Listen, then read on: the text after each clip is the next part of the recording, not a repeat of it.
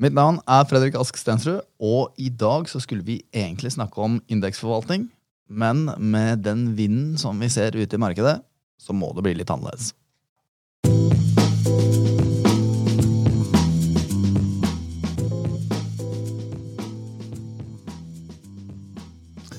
Er du med meg, Anders? Jeg er med. Du, Vi skulle jo egentlig snakke om indeksforvaltning i dag, som kanskje er litt sånn safe plankekjøring å snakke om i en podkast. Eh, men så har det vært så eh, turbulente markeder at jeg tenker at det er litt for safe å gå den veien. Eh, jeg føler at vi må snakke om den økningen i volatilitet som vi har sett i det siste. Hva er det som skjer? Ja, først og fremst så må jeg si at jeg støtter 100% at vi, at vi gjør om det. For det er jo nå det er gøy å snakke om markedet også, når det skjer mye. Så Hvis vi bare skal fortelle kort uh, hva som har skjedd, så er det jo det at for det første så hadde vi et fantastisk 2021. Eh, veldig kort fortalt. Og så var 2022 har jo begynt eh, med fallende markeder. Og så har det gradvis tiltatt. Eh, og det største så vi vel da på mandag, hvor Oslo Børs stengte ned eh, rundt 3,5 Eh, og de amerikanske indeksene de eh, var ned så mye som 5% i løpet av dagen, men stengte faktisk i pluss. Og det er en sånn, Den type endringer i løpet av en dag, det er ikke så ofte vi ser. Okay. Så, ja. men, men, hva er det som ligger bak, da? Jo, eh, da tror jeg vi må ta et par, par skritt tilbake. I november, slutten av november så reduserte vi vårt markedssyn fra overvekt til nøytral. Og bakgrunnen for det var egentlig tre ting. Det var eh, økende usikkerhet innenfor eh, rundt korona. Vi tenkte at ok, vi har delta, men hva vet vi egentlig om, om, fremtiden rundt nye varianter? Det var usikkerheten rundt Kina. Vi husker jo disse tingene som gikk på, på eh, boligmarkedet, crackdown mot tech-selskaper osv. Og så var det den aller viktigste faktoren, det var inflasjon. Og så gikk det bare omtrent samtidig som vi slapp ut denne mm, rapporten hvor vi da sa usikkerhet rundt korona, så kom jo omikron. Og, og, Da falt jo markedet umiddelbart, men gradvis har vi jo lært mer om omikron og ser at ja, den er veldig smittsom, men den er mindre farlig enn det f.eks. delta var. Så den, den er i ferd med egentlig priset ut av markedet. Og vi tenkte at vi sier ikke så mye mer om det i dag. Den andre tingen det var jo Kina. Det dukket jo opp um, som en, um, for de fleste i hvert fall, som en overraskelse, dette med den kinesiske eiendomssektoren. Men har egentlig ligget der lenge, noe de har jobbet med lenge. Så brukte de da fjoråret til å virkelig stramme til. De begynte egentlig året før ved å, ved å sette ned foten og si at ok, eiendomsselskapene kan ikke ha så mye belåning som de har. De må holde seg innenfor tre røde grenser som de satte ned. Og så viste det seg jo gradvis at de, selskapene slet veldig med å komme innenfor det.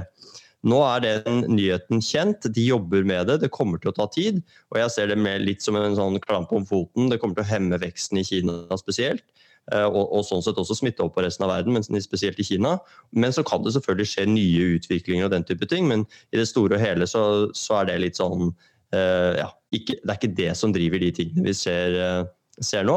Men det er to andre ting det er jo da som nevnt denne inflasjonen, og det har bare tiltatt siden, eh, siden vi eh, laget den rapporten i november. Eh, og så er det det nye som har dukket opp, da, denne konflikten mellom Russland og Ukraina. Og de to henger jo også litt sammen, fordi Russland er jo en stor energieksportør, som vi vet. Helt klart. Og Anders, her syns jeg vi skal snakke litt om begge deler.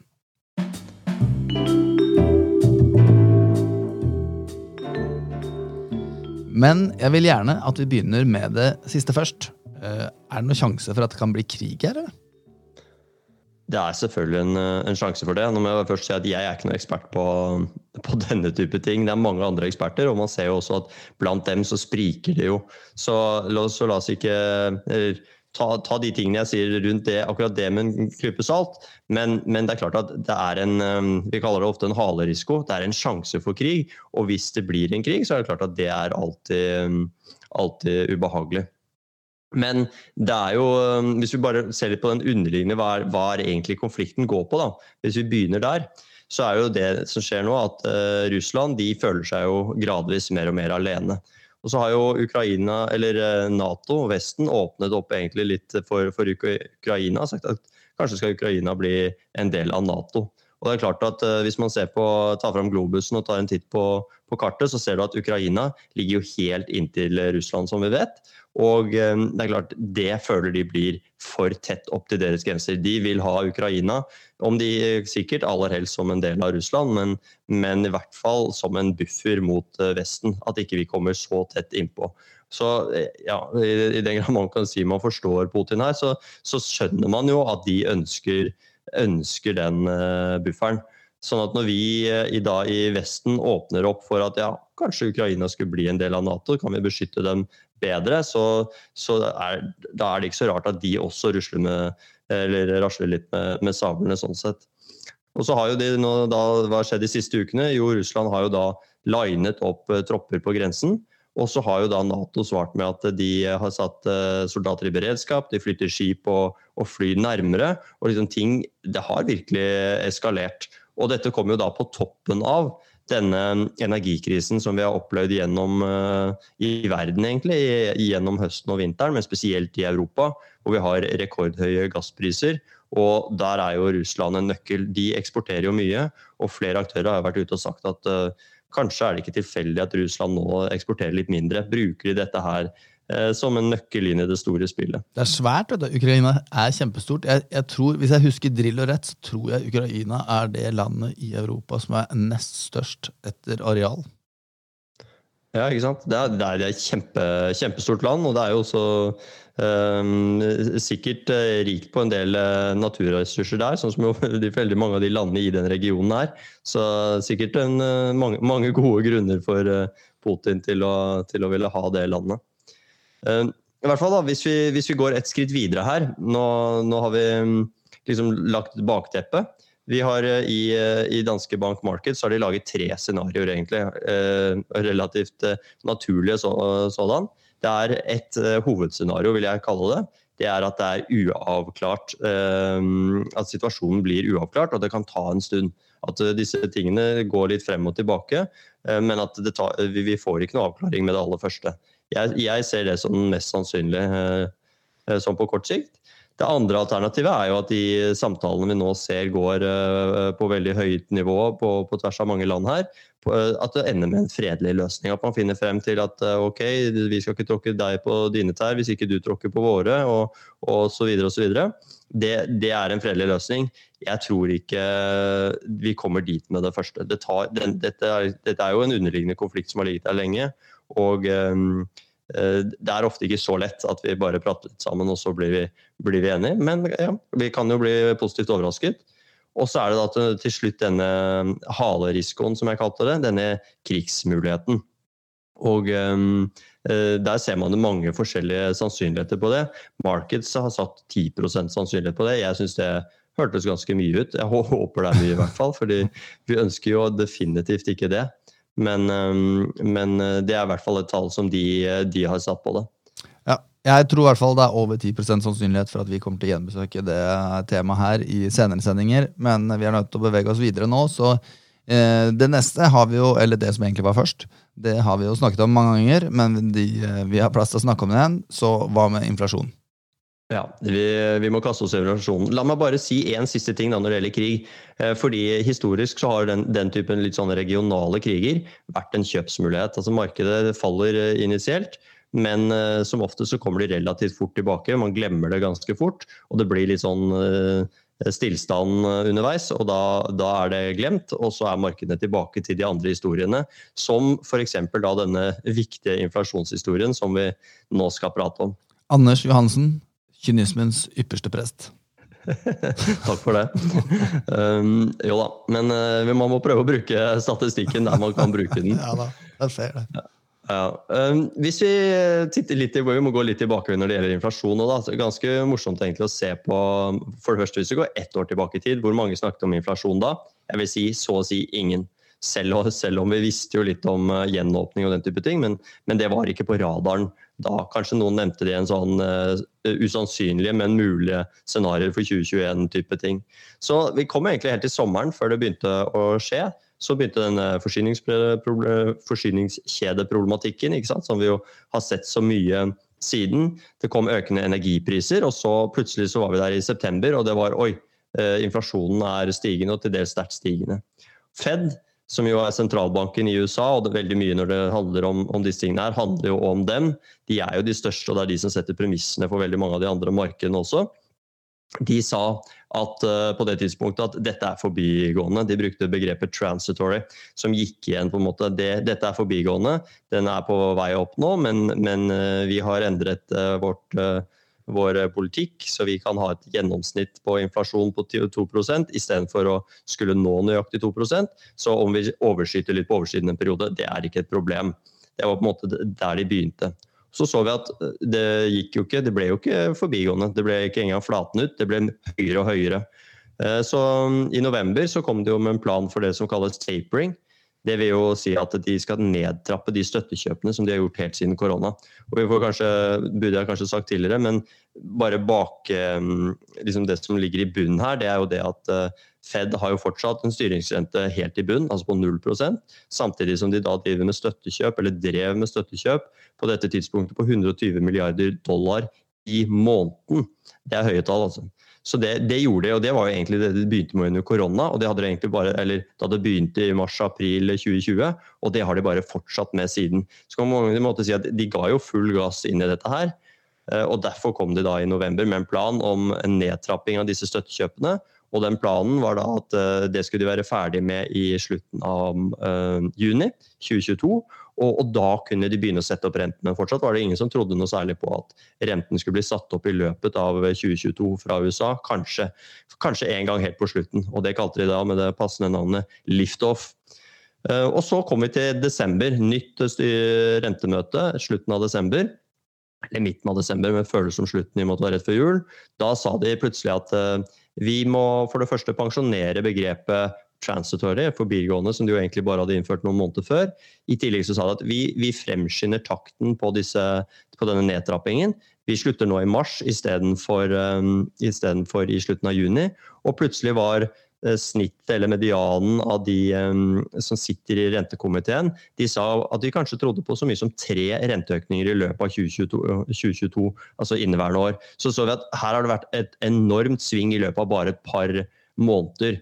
Uh, men egentlig kan du si so far so good. For uh, fortsatt så stengte jo markedene i USA på all time high for nyttår, eller i hvert fall veldig, veldig tett rundt det. Men 5.1 så kom det et referat fra Fed. Det kommer alltid noen uker etter. Og da sto det plutselig ganske tydelig at de var mer bekymret for eh, denne inflasjonen. At den var mer sticky, ikke så forbigående. Eh, og det sto i tillegg noe som, som, markedet helt hadde kanskje glemt. Kanskje hadde de ikke sagt det, kanskje hadde de glemt å spørre om det, men i hvert fall de begynte å snakke om dette som heter QT, som er det motsatte av kvantitative lettelser. Altså en kvantitativ tilstramning. At de skulle begynne å redusere balansen eh, allerede i løpet av 2022. Og da ble mm, plutselig markedet merkbart mer bekymret. Og da kom egentlig en del av disse Renten begynte, altså den amerikanske tiåringen begynte på 1,5 i løpet av eller ved, ved, nyttår. Og i løpet av da eh, noen uker så var den plutselig opp mot 1,9-1,87 eller noe sånt toppet den på. Uh, og det er ganske stor bevegelse på ganske, tid, uh, på ganske kort tid for det man kaller den viktigste renten i verden. Uh, for den styrer liksom veldig mye av funding i både USA, men også i, i resten av verden. Så det, Der så man da et enormt skift. Og nå har vi da rentemøte i dag, derfor så passer jo denne poden veldig fint sånn sett. Det er rentemøte i dag, og jeg er helt sikker på at markedet kommer ikke til å la eh, Fed slippe unna og vente i to uker til det kommer et referat og man kan lese hva de snakket om.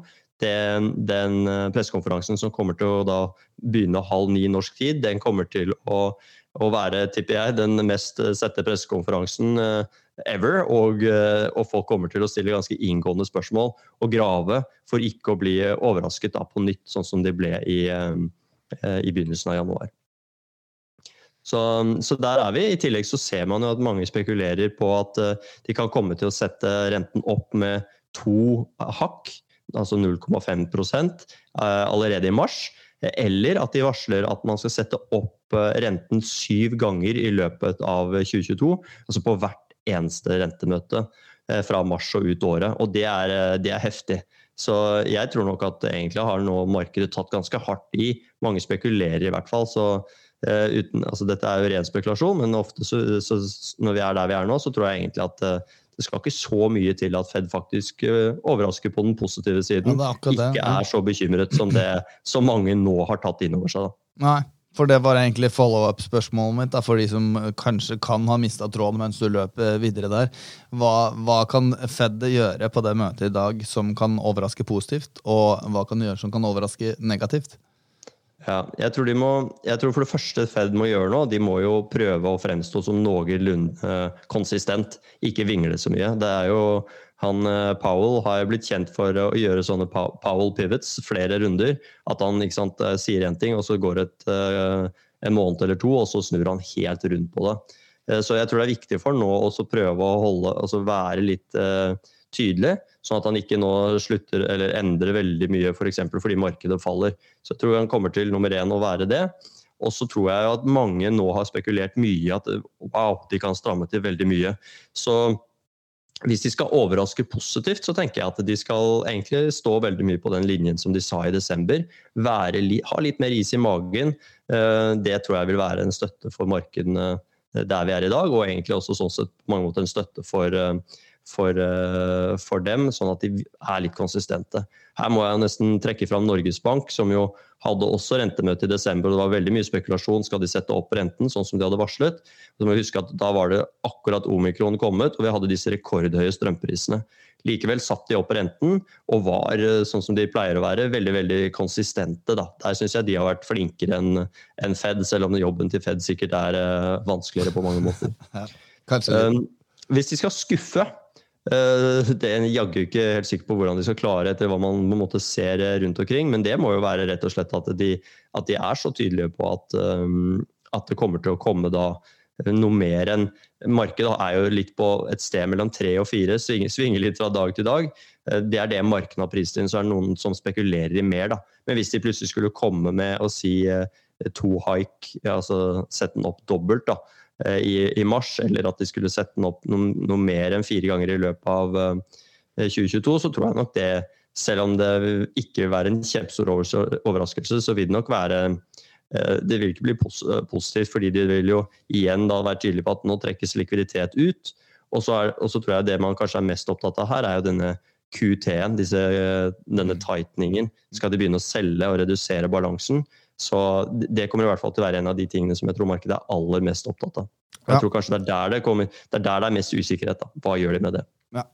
Det er, det er, tydelig at du har mer på hjertet når det gjelder inflasjon enn krig, Anders. Og det er helt fair det med, med din kompetanse. Men eh, nå forstår vi jo litt av bakgrunnen, så, så hva kan vi forvente fremover, da? Jo, um, altså tenker du på, på, inflasjon, eller på, på andre ting? Nei, da tenkte jeg på markedet generelt. Ja, på, på, markedet generelt så tror jeg vi bare må, må tenke oss at uh, det er uh, Ting kommer til å fortsette å være ruglete. Det kommer til å være uh, Det er stor usikkerhet.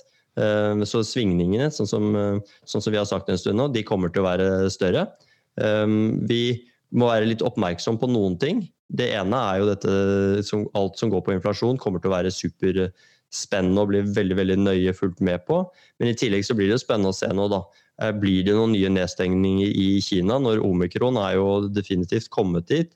Den sprer seg utrolig fort. Eh, det, er noe helt annet enn hva vi har sett før. Som de klarer å holde på denne null, null smittepolitikken sin. Eventuelt om de gjør nye, store nedstengninger.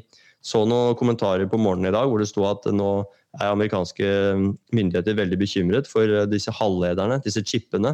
De er da Eh, I 2019 så var det normalt å ha rundt 40 dager lager med det, og det lageret er nå på rundt, eh, rundt fem dager. Skal veldig lite nye ting til i, i eh, forsyningskjedene før det blir et problem. Og så er det jo da noen av de største, eller de største produsentene av denne type, og spesielt de kompliserte, de ligger jo da i Taiwan, som er jo en annen potensiell krig som vi kan snakke om en, en annen gang. Men i hvert fall i, i den delen av verden. Eh, og også eh, i Korea og, mange av de landene rundt der. Så vi har jo stilt oss i en litt vanskelig situasjon ved å, ved å la eh, all, all, produksjon av de mest sånn kritiske tingene skje i, i, helt på den andre siden av jorden.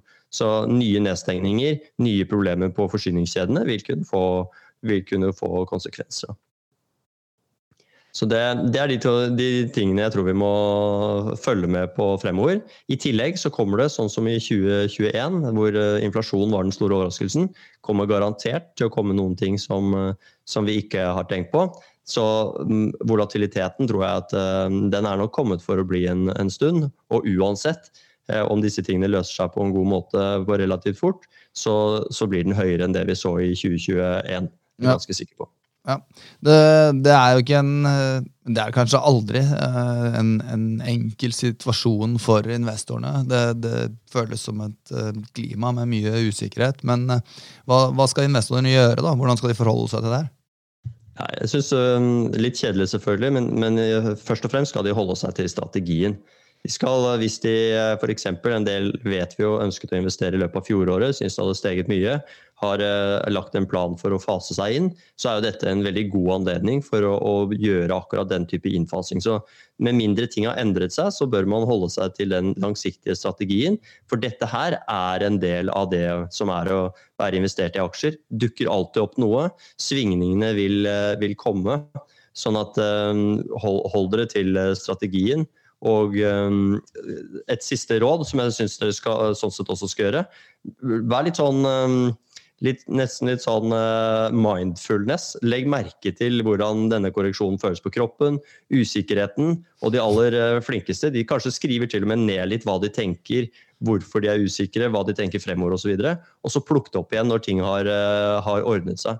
Fordi det lærer man utrolig mye av i ettertid. Og se. For, når, for liksom når, vi har fått en løsning, så virker alt så åpenbart. Det er det ikke der vi står i dag. Da. Og fordi lytterne våre som ikke kjenner deg, Anders, så kan jeg si at mindfulness det vil å være å regne som exis kurtosis kommende fra deg, i hvert fall. Men, eh, men jeg ser poenget ditt. Eh, det, jeg syns det har vært eh, veldig spennende å høre om dine betraktninger rundt den volatiliteten som vi har sett nå. Jeg tror det var smart at vi tok en titt på det her. Så kan vi alltids gjenbesøke indeksforvaltning senere, Anders. Men før vi runder av, så må vi plugge litt. Vi vil gjerne høre mer fra lytterne våre. Vi vil vite hva dere vil vite mer om, og så vil vi gjerne snakke om det. Hvordan skal vi gjøre det, Anders? Jo, vi um, tar kontakt med oss, enten da meg på at makrojohansen på Twitter, eller så kan du vel nå deg på At Ask Stensrud på Twitter. Ja, så Ta kontakt med oss der, og så kan vi vel love at vi, vi kjører den runden på indeks, for den var jo egentlig helt klar. Ja. Så vi kjører den eh, neste runde, med mindre det dukker opp noe annet som er enda viktigere sånn på, på kort sikt. Ja, nei, du får, du får, legge ut noen polls på Twitter, Anders, så får vi høre hva folket vil ha. Men, eh, men takk skal du ha. Det her var veldig nyttig. Vi Supert. Selv takk. Vi høres, Anders. Ha det. Ha det.